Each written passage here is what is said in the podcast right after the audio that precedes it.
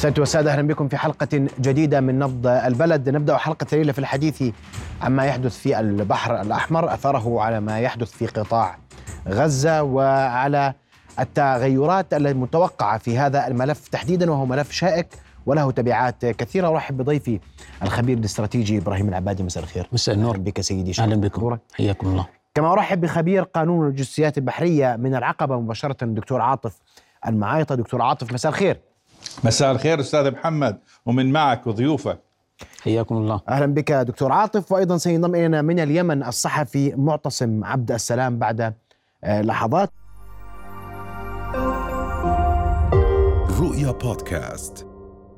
وابدا معك أستاذ إبراهيم قبل ما أسمع رأي الخبراء في الموضوع اللوجستي البحري النقل تحديدا وهذا ملف شائك وله تبعات لأنه ملف إقليمي وليس ملف محدد الجهات. بدي أسمع تقييمك كيف سيؤثر هذا الملف على غزة اليوم؟ تحياتي لكم. يعني ربما الآن أصبح موضوع الحوثيين والهجمات الحوثية منذ أن بدأت تتدخل منذ 19 أكتوبر بدأت الهجمات الحوثية بإرسال الصواريخ على جنوب الأراضي الفلسطينية المحتلة وتحديدا إيلات. الآن بدأ هذا الموضوع سيدي يأخذ طابعا دوليا أكثر. دعني أسميها الآن أصبحنا أصبحت لدينا ظاهرة شديدة التعقيد مثيرة للاهتمام بشكل كبير. الآن إذا أخذنا الآن ما يحدث من أنصار الله الحوثيين يعني ممكن نصنفهم سيدي على ثلاث مستويات استراتيجية مباشرة. الآن إذا أخذنا إذا أخذنا هذه الهجمات الحوثية من ناحية الدعم الشعبي فهي أنا بعتبرها امتداد للغضب الممتد في المنطقة والشارع العربي بما يجري من هجمات ومن عنف من قبل الاله الماكينة العسكرية الإسرائيلية. الآن إذا أخذناها في المستوى الاستراتيجي المباشر هل لهذه الهجمات تأثير مباشرة على ما يحدث وما يدور من الأحداث داخل قطاع غزة؟ يعني دعني أسميها حتما حتى هذه اللحظة استراتيجيا لا يمكن أن نعتبر بأن هذه الهجمات لها تأثير مباشر على مجريات الأحداث داخل قطاع غزة. إذا أخذنا بأن هذه الهجمات يمكن أن توقف الحرب فحتما لن توقف الحرب. إذا اعتبرنا أن هذه الهجمات ممكن أن ترفع مستوى دخول المساعدات لن ترفع مستوى دخول المساعدات. إذا اعتبرنا أن هذه الهجمات قد تؤثر بإيجاد هدنة سواء سابقة أم لاحقة لن يكون لها تأثير مباشر. فإذا قيمنا تقدير موقف استراتيجي لهجمات الحوثيين لمجريات الأحداث داخل قطاع غزة أعتقد بأنه لن يكون لها تاثيرا مباشرا عما يجري في داخل قطاع غزة من المواجهة المسلحة ما بين ما بين المقاومة من جهة وما بين الجيش الإسرائيلي من جهة أخرى. المستوى الاستراتيجي الثالث وهو البعد الدولي لما يجري في باب المندب لأنه الآن الحوثيين لم يقتصروا فقط على إرسال الصواريخ أصبح هنالك حالة من دعني أسميها منع المرور في تسهيل المرور في تغيير شروط المرور عشان نتفق شروط المرور الان هو صار يقول لك أنا اليوم اذا إذا أنت رايح على إيلات أو أنت سفينة مملوكة للاحتلال أنت لن تمر باب المندب هذه سيدي في المرحلة الأولى. م. الآن الحديث اختلف. هلا ولا حدا بده يوصل إلى الآن هنالك حديث بأنه إغلاق محكم لباب المندب ممنوع مرور أي سفينة تجارية باتجاه البحر الأحمر باتجاه حتى لا تضمن لأنه بعض السفن بدأت تغير هويتها بدأت تغير أعلامها بدأت تغلق النداءات المباشرة داخل الممرات الملاحة الدولية. فالآن الحوثيين انتقلوا من المرحلة الأولى كانوا يتحدثوا عن سفن سفن إسرائيلية أو مملوكة لإسرائيليين الآن لا أبدا الآن يتحدثون عن منع السفن بالمرور عبر ماب المندب باتجاه البحر الأحمر حسب شروطهم إلا عندما يتم إدخال المساعدات ووقف الحرب عما يجري في في غزة. فبالتالي هم انتقلوا الآن لحديث هذا ما كنت أقصده أنه لدينا الآن البعد الاستراتيجي الأبعد وهو الدولي وهو التأثير على الملاحة الدولية في باب المندب. وأنت سيدي بتعرف باب المندب يجري من خلال الممرات الملاحية من خلاله ما يقارب 40% من حجم التجارة الدولية. ليست كل السفن تذهب باتجاه إسرائيل. الآن موقع أكسوس يتحدث اليوم بشكل مباشر بأن ميناء إيلات أصبح خالي 85% من السفن التي كانت مقررة أن تصل إلى ميناء إيلات الآن لم تصل نهائيا. الآن هنالك ارتفاع في آه، اليوم في سوق التأمين في في لندن. تحدثوا بتصنيف المنطقة الجنوبية باب المندب والمنطقة البحر الأحمر بأنها عالية الخطورة آه، من حيث التأمين. الآن رفعوا سقف إيجاد العناصر المسلحة على هذه السفن. الآن الولايات المتحدة بدأت تتحدث مع الأطراف في المنطقة عن تشكيل تحالف أوسع وتحالف دولي لمواجهة هجمات الحوثيين ومنحها وبالتالي ضمان الممرات المائية أن تكون تمشي آمين. بكل سهولة وآمنة. فبالتالي سيد هنالك بعدا دوليا لما يقوم به الحوثيون الآن. الآن الحوثيون كما اتفقنا لن يكون لهم تأثير مباشر في مجريات الحرب. ربما هنالك بعض التقديرات تتحدث بأن الحوثيين يحاولون قدر الإمكان من خلال آه، الاستثمار الأجواء الحرب الموجودة والعدوان الموجود في غزة إلى شرعنة أنفسهم. كما تعلم بأن حتى هذه اللحظة الولايات المتحدة لم تصنف الحوثيين على أنها جماعة إرهابية. هنالك الآن آه، اتجاهين في الكونغرس الأمريكي. اتجاه اليوم هذا الكلام يتحدث بانه ضرورة أن تكون هنالك عقوبات دولية على جماعة الحوثيين وعلى الموانئ اليمنية التي التي يسيطر عليها جماعة أنصار الله. وأيضا فبالتالي تحويلها إلى جماعة إرهابية. تصنيف جماعة إرهابية وأيضا هنالك اتجاه آخر داخل الكونغرس يتحدث بأنه لا بد باعتبار أن الحوثيين يملكون القوة على جزء كبير من اليمن فلماذا لا يتم التفاوض معهم بموضوع الملاحة الدولية التي تتم من خلال باب المندب؟ كويس. أسمع رأيك دكتور عاطف وهل فعليا هل هناك من تغيير واضح على حركة الملاحة باتجاه من وإلى باب آه، المندب؟ هل اختلفت أسعار الشحن؟ وهذا سؤال مهم لأن ما يؤثر على إيلات يؤثر ضمنا على العقبة. يسعد مساك أستاذ محمد وزميلنا المحاور والأخونا المعانا من اليمن ضيفك الكريم. آه، استاذي الفاضل عند الحديث عن موضوع النقل البحري تحكي أنت عن 75% من عملية النقل في العالم. بشقيها سواء النقل الجوي أو البري والجزء الأكبر اللي هو النقل البحري. حقيقة اللي بصير في هذا الموضوع كنا قد حذرنا منه من بلقاءات سابقة مع قناتكم الموقرة من شهر ونص إنه في حال نشوف أي خلل في المنظومة البحرية أو القطاع البحري سيطرا ارتفاع على أجور النقل البحري اللي إحنا ما صدقنا نتعافى منها من بعد جائحة كورونا وما صار فيها وارتفاع أسعار النقل للموانئ بشكل عام. وإحنا جزء من العالم كميناء العقبة في هذا الموضوع آه تأثرنا بأجور النقل وانسيابيه النقل لميناء العقبة. خلصنا من موضوع كورونا وتعافينا منها شوي دخلنا بالحرب الأوكرانية الروسية أدت برضو إلى ارتفاع أجور النقل وادت إلى ارتفاع آه، أجور النفط وناقلات النفط والخطورة فيها. جاءتنا آه، حرب غزة آه، والأثار اللي إحنا كنا متوقعينها منها على الاقتصاد بشكل عام الدولي لأن إحنا جزء من المنظومة البحرية وإحنا في خليج العقبة يعني ما إن باب ثاني إلا عن طريق باب السو من عن طريق قناة السويس وعن طريق باب المندب. اللي زي ما تفضل زميلي وحكى إنه تقريبا 47% من النقل آه، البحري في العالم بمر من خلال باب المندب. ف الوضع اللي إحنا بنشوفه هذا الحكي يعني آه، حقيقة بيصنفنا من ناحية القانون البحري والأمور اللي بنمشي فيها إلى ما يطلق عليه القرصنة البحرية. وسبق إنه هذا الحكي كان من الصومال وشو صار علينا في من آه، القرصنة البحرية في السواحل الأفريقية من منطقة الصومال والمناطق هذيك وشو أدت إلى ارتفاع في آه، التأمين البحري وأصبحت نقطة حمراء ممنوع المسير فيها. فإحنا دخلنا حاليا في هذا الموضوع بموضوع القرصنة البحرية.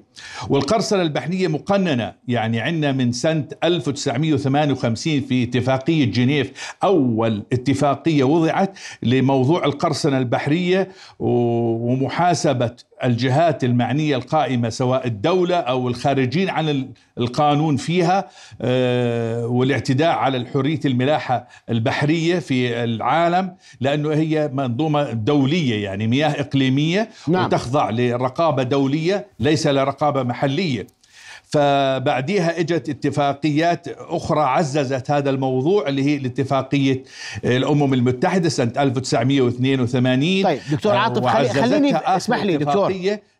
دكتور بدي أكون في اللي بيصير في باب إنت كرمت اليوم. أثروا علينا وانعكاسوا علينا وكيف هي حال الحركه الملاحية اليوم؟ الأثر الأثر آه، قريب جدا رح نلمس آثاره بتغيير مسار بعد معظم الخطوط البحرية المنتظمة وآخر آه، تصريح لشركة ميرس العالمية وهي اللي مالكة لمعظم السفن النقل الحاويات ونقل السيارات ونقل المعدات الكبيرة وهي شركة آه، لها امتداد سويدي أمريكي دنماركي شركة مشتركة. هاي أعلنت وقف دخولها البحر الأحمر فوقف دخولها للبحر الأحمر معناته شلل للملاحة البحرية في منطقة الأحمر اللي متأثر فيها السعودية والأردن و- ومصر. فهذه إحنا أكثر تأثير من أي دولة أخرى الجانب الآخر عنده ممكن يروح عن طريق البحر الأبيض المتوسط عن طريق الرجاء الصالح يعني إذا نقول التأثير على إسرائيل ما في تأثير راح يحاولوا ملاحتهم عن طريق راس الرجاء الصالح وتكون علم إحنا اللي راح نتأثر وإحنا المتأثرين كالأردن دكتور عاطف بهذا اسمح لي. الموضوع لأنه معظم ملاح من رأس الرجاء. الصالح كلف الملاحة تتضاعف جدا جدا. بس إحنا ما بنقدر نحول ملاحتنا عن يعني إذا كانت الحاوية أجور النقل فيها ألف دينار راح تصير عشرة آلاف دينار. وهذا ينعكس على تضخم أسعار السلع عندنا. والتأمين زي ما تفضل زميلي وحكى ارتفاع البورصة في لندن كل يوم في ارتفاع. يعني امبارح كانت الارتفاع وصل ل 2% سابقا كانت 7 بالألف. سابقا الأسبوع اللي قبله قبل الجائحة وقبل الحادثة الأخيرة للسفينة وحجز السفينة اللي موجودة عندهم كانت 7 بالألف قيمة التأمين للمنطقة البحر الأحمر. اليوم اليوم التأمين أصبح حسب آخر عرض للبورصة الموجودة عندهم 2% هذا ارتفاع مهول. وأصبحت المنطقة نقطة حمراء. فيعني الارتفاع رح يكون على ارتفاع السلع ارتفاع النقل ومش بإيدهم لأنه رح يكون عليهم كلف مالية كبيرة أسعار النفط رح تتضخم جدا لأنه معظم ال- النقل البحري هناك هو ناقلات نفط وإحنا بتعرف في موسم شتاء وموسم الشتاء بيرتفع الطلب على النفط وبيرتفع الطلب على طيب. المواد الغذائية وبيرتفع ابقى معي دكتور عاطف، على خليك معي المواد. الاستهلاكية تفضل ابقى معي دكتور عاطف أنتقل للصحفي من اليمن معتصم عبد السلام. أستاذ معتصم مساء الخير. مساء النور والعافية أهلا بك أستاذ معتصم استمعت لضيوف الكرام الاستاذ إبراهيم العبادي والدكتور عاطف المعايطه والحديث أن آه، ال- الشروط الجديدة للحوثي في آه، مرور السفن من باب المندب قد تخلق أزمة إقليمية وتخلق أزمة اقتصادية لمصر والأردن تحديدا. وجهة نظرك؟ هي الأزمة لا تعني بمصر ولا الأردن هي تعني بالسفن الإسرائيلية فقط. السفن إسرائيل آه، تدمر غزة وتقتل الناس ولا يهمها أي شيء آه، سواء في فتح معبر رفح أو دخول المساعدات. وبالتالي أن الموضوع لا يهم لا لن لن يوقف السفن التي تمر إلى الأردن أو إلى مصر. هو يتحدث الجيش اليمني والقوات اليمنية تتحدث عن استهداف السفن الإسرائيلية. وبالتالي إذا تم فتح معبر رفح لماذا لا يضغط الإخوان في مصر؟ ويضغط الإخوان في الأردن لدخول المساعدات إلى فلسطين وإلى غزة وإنهاء معاناة الشعب الفلسطيني. الأمر هو يتعلق فقط بالسفن الإسرائيلية، السفن التي استهدفت من أول يوم هي سفن إما رافعه العلم الإسرائيلي أو إما رافعة علم جزر البهاماس أو ليبيريا وكلها داخلة إلى إسرائيل.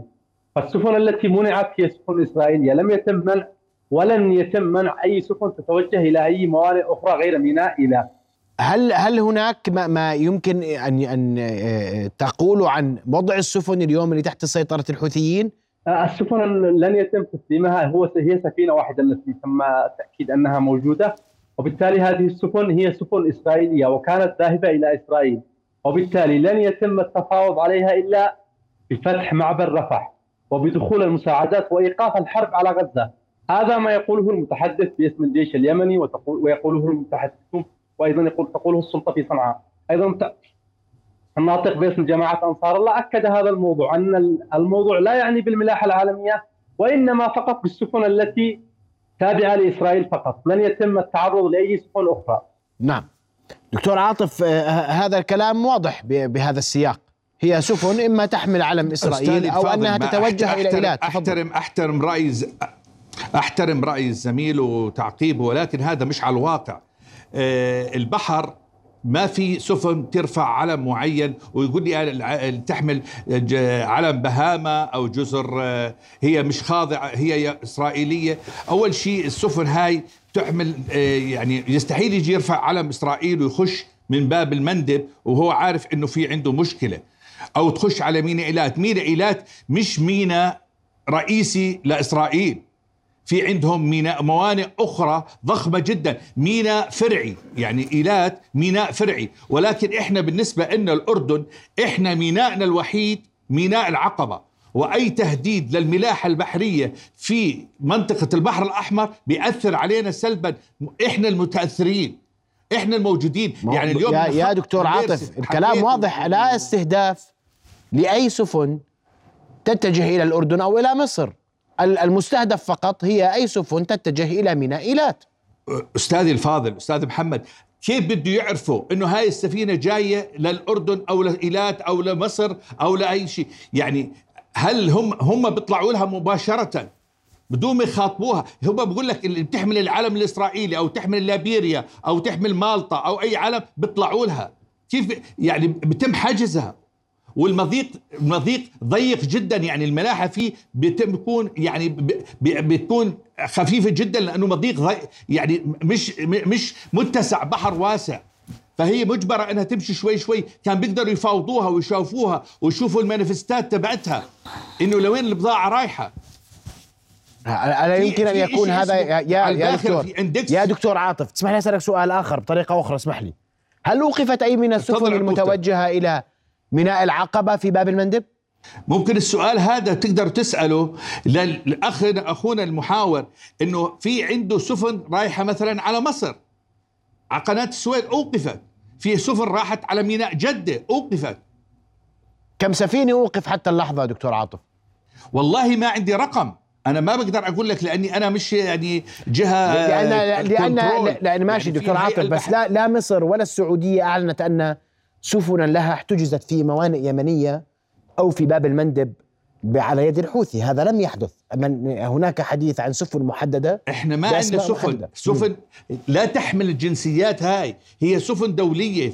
ملاحة بحرية حرة. هاي مياه دولية. مياه تملك الحرية في السفن في الملاحة الفي. يعني حتى حتى قانون العلم ترفع علم الدولة تبعها. ما بترفع أي دولة طيب. لما تكون في في أعالي واضح. البحار واضح أستاذ إبراهيم أسمع وجهة نظرك بما تسمع اليوم نعم. الحوثي يتحدث بوضوح أنه يستهدف سفنا إسرائيلية أو تحمل اعلاما مشبوهة بالنسبة لهم على أقل تقدير وفق تقييمهم لا يسمح بمرورها من باب المندب والبحر الأحمر وهذا لغايات فتح باب معبر رفح وهذا رأي ال- الحوثي على أقل تقدير وتصريحه الرسمي. دكتور عاطف بيقول لك يؤثر على الجميع هناك آه، آه، آه، سفن لجدة، هناك سفن للعقبه، هناك سفن لمصر، هذه كلها موقفة. اليوم الأمريكي يتحدث بوضوح أنه لن يسمح بتعطيل حركة الملاحة الدولية في هذه المنطقة ويتحدث عن بارجة ستصل المنطقة أو متواجده في المنطقة واستعمل حماية مياه الإقليمية. إلى أين تتجه الأمور برأيك؟ يعني دعني أضيف آه، بعض المعلومات من بعد استراتيجي آه، تعقيبا على ما تفضل فيه زميلنا من العقبة. آه، الآن هو فعلا كما يتحدث لا يمكن أن تفصل السفن المتجهة إلى إسرائيل عن السفن المتجهة إلى ميناء موانئ السعودية أو إلى ميناء العقبة وهو الميناء الوحيد. آه، صعب إنك الحوثيين يحطوا شرطة ويصيروا يفتشوا على السفن واوراقها آه، ربما ببعض المعلومات الاستخباراتية يصل من يملك هذه السفينة لكن ال- الموضوع له بعد أكثر من ذلك بمعنى أن حركة الملاحه سيدي إذا كان هنالك حدثا امنيا أو اعتداء أو إطلاق صواريخ على أي سفينة متحركة في باب المندب. هذا يعتبر مؤشرا استراتيجيا بأن هذه المنطقة عالية الخطورة. فبالتالي الشركات الدولية وكل ممرات الملاحة تستبعد م- بميناء باب المندب من الدخول إليه بغض النظر يتجه إلى إسرائيل أو لا يتجه إلى إسرائيل. هذه المنطقة هذه المش... هذه المشكلة الوحيدة. بمعنى أن موضوع باب المندب ليس موضوعا حوثيا ليس موضوعا اسرائيليا ليس موضوعا اردنيا ليس موضوع قناة السويس وإنما هو ممرا دوليا نتحدث عن 23 ألف سفينة تمر منه في في في العام الواحد. فبالتالي هذا الممر الدولي أي خلل في مواجهة سهولة مرور أو مرونة الملاحة في هذا الممر الدولي يؤثر بشكل مباشر على على الملاحة الدولية، فبالتالي الآن الشركات العالمية تصبح هنالك مؤشرات عالية الخطورة من المرور. هذا هو الطريق الجديد. يضطروا للطريق البديل اللي تحفظ تحدث عنه زميلنا وهو رأس الرجاء الصالح المسافة البعيدة جدا إلى مضيق طارق. وهذه تقديري بأنها تزيد سبع إلى عشر أيام تزيد التكلفة. فبالتالي كإضافة معلومة لا يمكن تحديد هذه السبب. مجرد وجود حدث أمني عسكري في هذا الممر الدولي اذا هنالك تبعات دولية. الموضوع الآخر وأنا هذا اللي بدي أتحدث عنه الشق الأهم. إسرائيل سيد استفادت من اعتراض الحوثيين اعلاميا على مستوى العالم، بدأت تتحدث اعلاميا بأنها تتعرض إلى هجمات، أيضا بأن هذه الجماعة جماعة أيضا هي إرهابية كما تصنفها إسرائيل والولايات المتحدة الأمريكية الآن، ويتحدثون عن اعتراض الممرات الدولية وأنه إحنا بحاجة إلى تشكيل تحالف دولي، والآن الولايات المتحدة بالأمس واليوم بدأت تشكل تحالفا دوليا، وبالمناسبة هنالك القوة المشتركة الدولية 153 وهي تابعة للأسطول الخامس الأمريكي المتواجد في المتمركز في البحرين آه، ويتشكل من 39 دولة وتوسع في 2002 وكان هذا هذه القوة المشتركة 153 تتحدث عن مواجهة الأعمال الإرهابية، الآن الولايات المتحدة الأمريكية أمامها واحد من خيارين، إما فرض عقوبات على على على الحوثيين مباشرة أو تتحدث عن وهذا الذي تسعى إليه الآن آه، وهو توسيع الحلف الدولي في هذه المنطقة بحيث يرتفع من 39 دولة إلى تقريبا 52 دولة تتشكل قوة بحرية كبيرة في هذه المنطقة. لا تسمح لا للحوثيين ولا لغيرهم بتعطيل الملاحة البحرية في هذه في هذه المنطقة. على وجه التحديد واعتبارها أنها أعمالا تهدد الممرات الدولية وليس أعمالا لإلحاق الضرر بإسرائيل. قد تكون هنالك ضرر اقتصاديا بمينائيلات نعم صحيح هنالك. وتحدثت أن هنالك 85% الآن من آه، دعني نسميها الحركة البحرية آه، الملاحية على مينائيلات قد تراجعت. هو ميناء خالي الآن نهائيا. وهذه تقارير تحدثت عنها تحدث عنها موقع أكسيوس اليوم. الآن الآن وزير الخارجية الأمريكي بلينكن يجري اتصالات مع الصين حاليا.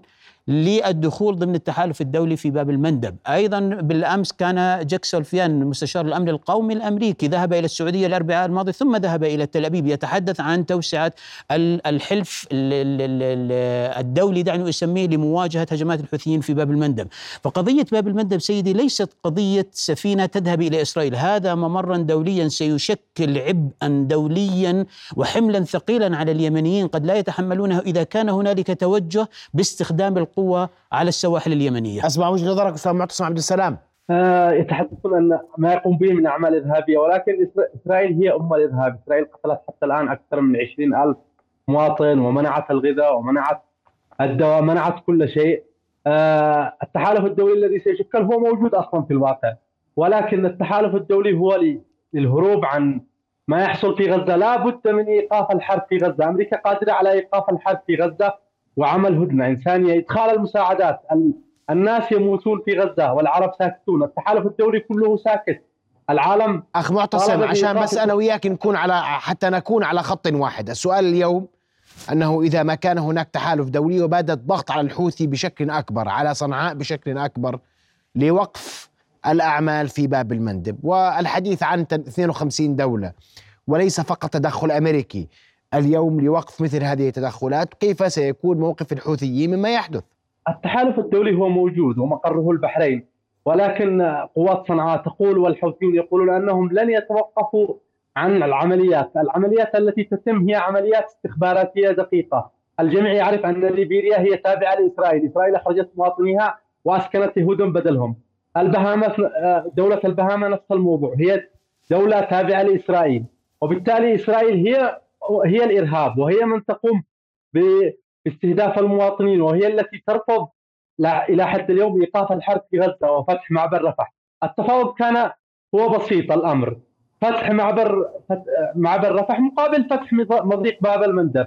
إذا كانوا يريدون السلام ويريدون عدم منع السفن ليفتحوا معبر رفح ويوقفوا الحرب على غزة. هنا هي المشكلة، المشكلة في يد العالم، العالم قادر على أن يحل المشكلة بفتح معبر رفح وايقاف الحرب في غزة فقط. واضح جدا. أشكرك كل الشكر معتصم عبد السلام الصحفي. كنت معنا مباشرة من اليمن. أعود للدكتور عاطف المعايط ودكتور عاطف ومعلش أنا بدي أحكي معك شوي في في بعض اللوجستيات. واليوم في مواقع عالمية تتحدث عن السفينة. آه، أين آه، من أين من أين خرجت؟ وإلى أين تتجه؟ بالتمام والكمال وبوضوح وبكافة المعلومات حتى بما تحمل. فهذا الموضوع ليس بتلك الصعوبة أن تعرف أين تتجه السفينة. إلى أين تتجه السفينة؟ من مالك السفينة؟ لم يعد هذا الأمر كما كان في السابق معقدا. صحيح غير صحيح؟ ونحن نشوف الموقع مباشرة. كل سفينة الآن واضحة. يمكن أن, أن يعني بكبسة زر أن أعرف إلى أين تتجه ومن أين خرجت. وتفاصيل. السفينة صحيح. بالكامل. تفضل. صحيح. ونوع الحمولة كله. و... كله واضح.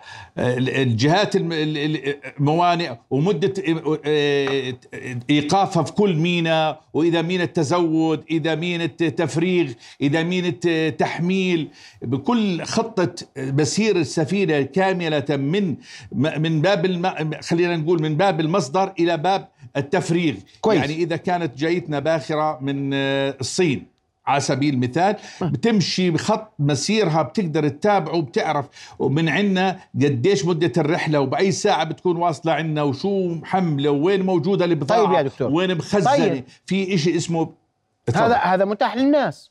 نعم. طب أنا بدقيقة بكبس كبسه زر بقول لك هاي السفينة رايحة على ميناء ايلات ليش هي تطلع هاي الحوتي بيشتغل افترضوا هيك.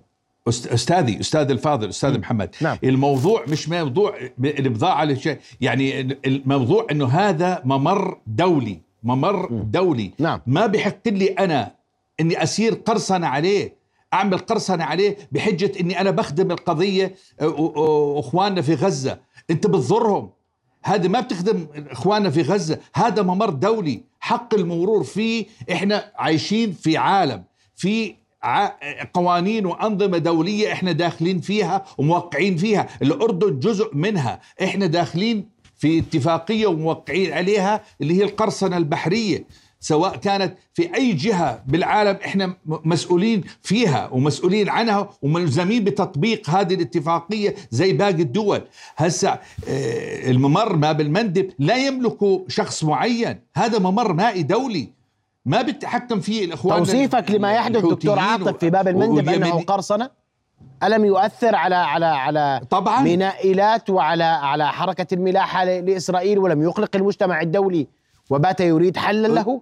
أستاذ محمد الباب الإيلات قلت لك جزء من موانئهم. عندهم ميناء جدود عندهم ميناء آه، حيفا عندهم أكثر من ميناء عندهم بدائل. بس أنا هم أكثر متضرر.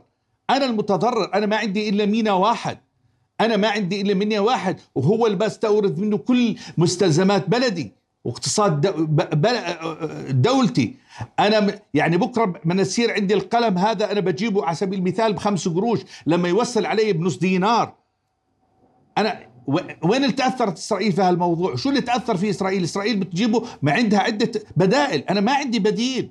يعني من هذا المنطلق بنقول إحنا أكثر تأثر الموضوع نسبة وتناسب أستاذي. دكتور عاطف أنا أعيد لك السؤال. هل تم إيقاف أي سفينة متجهة إلى العقبة في باب المندب؟ على علمك. على علمي لا ما بعرف. أنا مش متابع بقول لك أنا متابع من ناحية آه، بقرأ مجلات دولية فيما يتعلق بالتأمين البحري والقرصنة البحرية سمعت بذلك يا دكتور عاطف سمعت. هل سمعت أي شكوى أنه في سفينة أردنية توقفت في باب المندب؟ لا ما سمعت. أنا كشخصي ما سمعت إنه بس في سفن متأخرة. في سفن واقفة على الانتظار. أها. في في آلاف السفن موجودة حاليا. نعم. طيب. مانعينهم يدخلوا. واضح جدا. هاي كلها بضائع للأردن. نعم.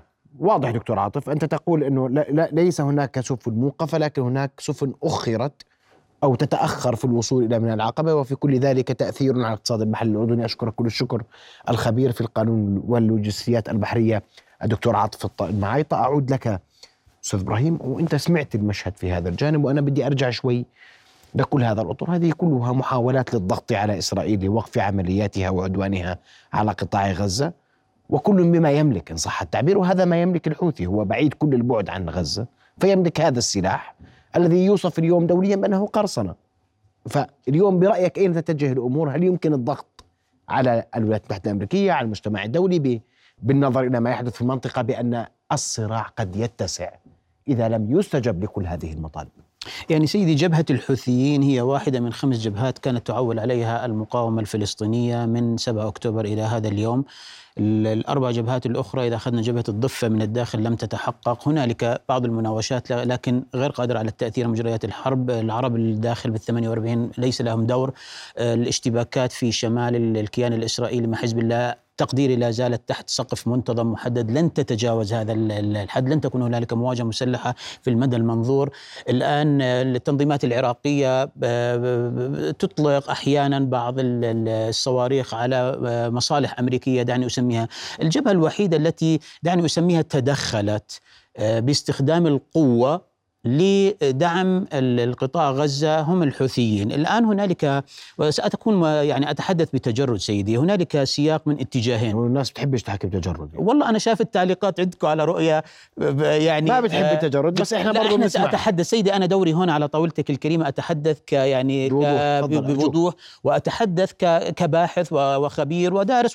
يعني إحنا عم نشتغل بالدراسات والآن بعطيك أرقام ومؤشرات استراتيجية. فضل. لكن إحنا قلبنا مع المقاومة ونتحدث عن تحرير فلسطين من البحر إلى النهر وأنا من دعاة تفكيك إسرائيل بأي ثمن كان، لكن دعنا نتحدث الآن عن بعد سياسي وبعد استراتيجي فضل. بالنسبة للحوثيين، م. سيدي اولا تدخل الحوثيين أنا حسمت لك اياه من بداية اللقاء، لن يكون له تاثيرا على مجريات الحرب داخل غزة، لن يوقف الحرب، لن يدخل المساعدات، لن يؤدي إلى هدنة لا سابقة ولا ولا دور في هدنة قادمة، فهذا يجب أن نتفق عليه من الآن.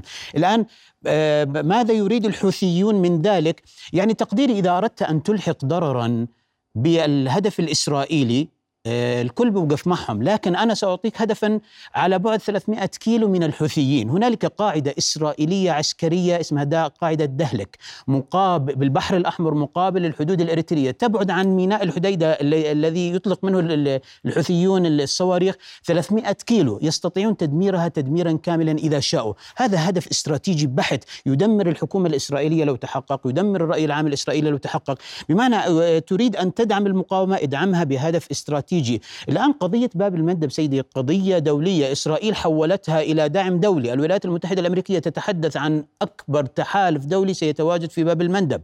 الآن أمامهم خيارين.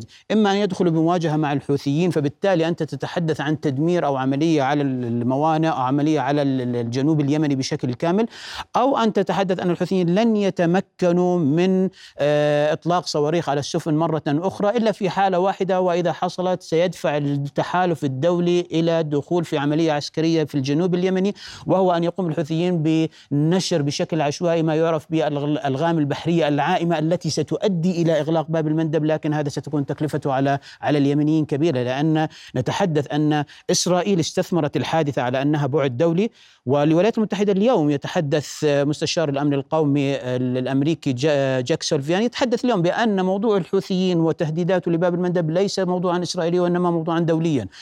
والتحالف الدولي تشارك فيه معظم دول المنطقة. الناتو حتى هذا التحالف الدولي يدعى ناتو الأحمر بحر الأحمر. اسمح لي الاقتصاد الإسرائيلي تأثر. حتما. الاقتصاد الإسرائيلي تأثر من موضوع باب المندب في موضوع ميناء إيلات فقط.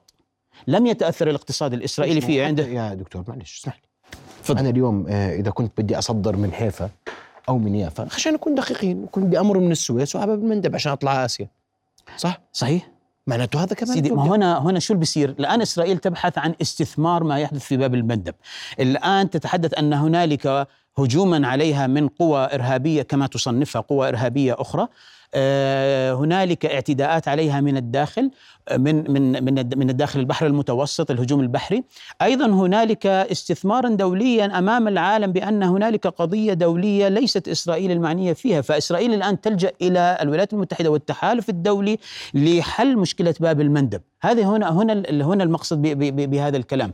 بمعنى أن الحوثيين إذا تشكل هذا التحالف الكامل الآن يتشكل ناتو البحر الأحمر اسمه الآن سيطلق عليه ناتو البحر الأحمر تتشكل إذا تمكنت الولايات المتحدة الأمريكية من رفع قوة القوة البحرية المشتركة 153 التابعة للأسطول الخامس في في باب المندب إلى 52 دولة لن يتمكن الحوثيين من الاعتداء بأي شكل من الأشكال على سفينة تمر من باب المندب لأنه سيكون هنالك تبادل لإطلاق النار.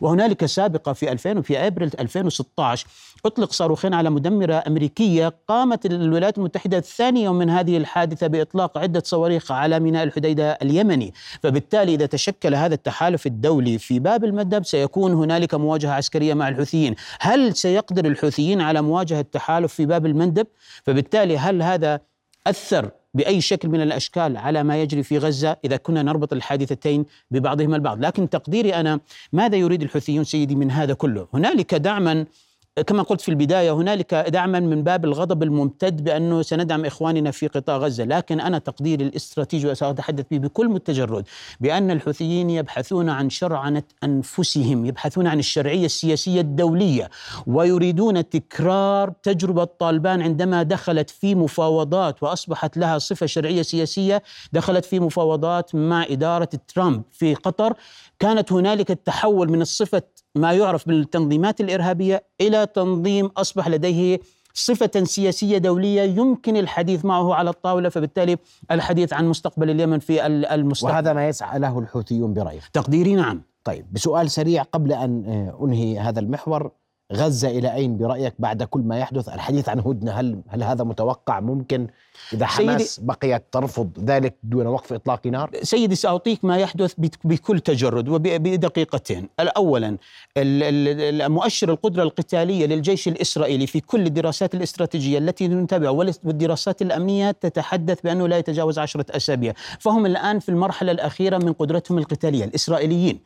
الآن الأمريكان عم بيضغطوا بشكل مباشر. مرة أخرى أنت كل الدراسات تقول أن القدرة القدرة القتالية للجيش الإسرائيلي, للجيش الإسرائيلي أي جيش في العالم لديه قدرة قتالية. الجيش الإسرائيلي مؤشرات القدرة القتالية لا تتجاوز عشرة أسابيع هذا في كافة الدراسات. بكافة الدراسات. وهي أجمعت عليها كل الدراسات الأمنية حتى في مراكز ال think tank بال DC في واشنطن. أجمعت عشرة أسابيع. الآن أعتقد مضى ما يقارب تسعة أسابيع. إذا شلنا أسبوع الهدنة اللي حصل فالآن إحنا ضايل من أسبوع لاسبوعين هذه القدرة القتالية بالنسبة للجيش الإسرائيلي. الولايات المتحدة فرضت وطلبت جدولا زمنيا من الإسرائيليين بإنهاء العمليات المكثفة اللي هو القصف العشوائي اللي إحنا بنشوفه والانتقال إلى مرحلة ثانية هي مرحلة النوعية في القتال وهي محاولة استهداف اغتيال قادة حماس من الصف الأول والصف الثاني. الآن الولايات المتحدة ذاهبة بشهر يناير من 2024 إلى انتخابات التمهيدية للرئاسة الأمريكية. لا يريدون استمرار الحرب بهذا الشكل الذي الذي نشاهده من تدمير وقتل عشوائي.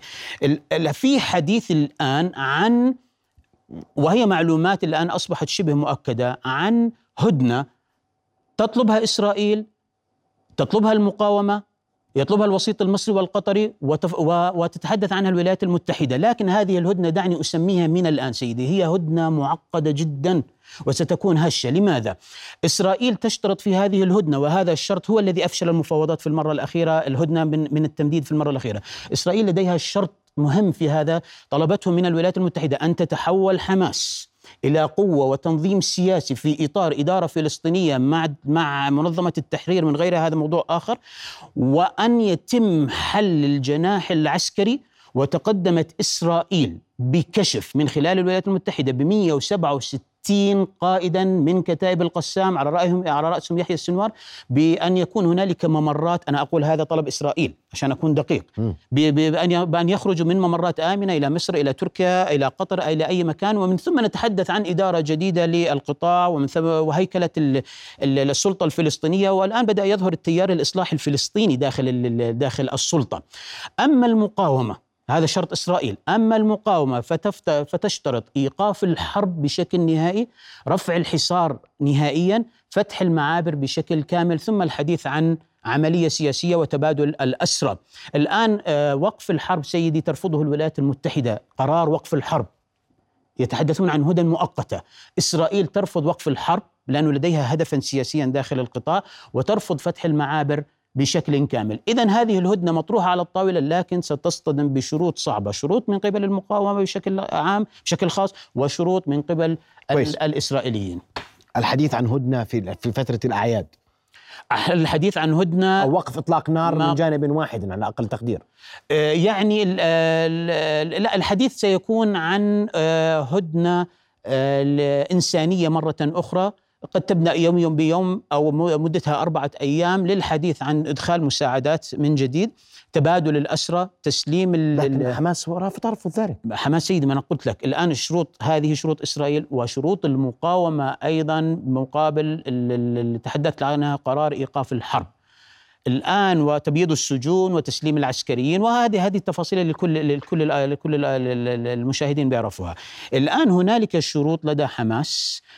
وهنالك شروط لدى إسرائيل. الحديث الآن وبكل تجرد ضغوطات على الوسيط المصري على الوسيط القطري للضغط على حماس أن تتحول إلى تنظيما سياسيا في إطار السلطة الوطنية الفلسطينية. وهنالك طروحات فلسطينية بدأت تتحدث عن ذلك. حتى السلطة بدأت تفتح قنوات اتصال مع قادة حماس.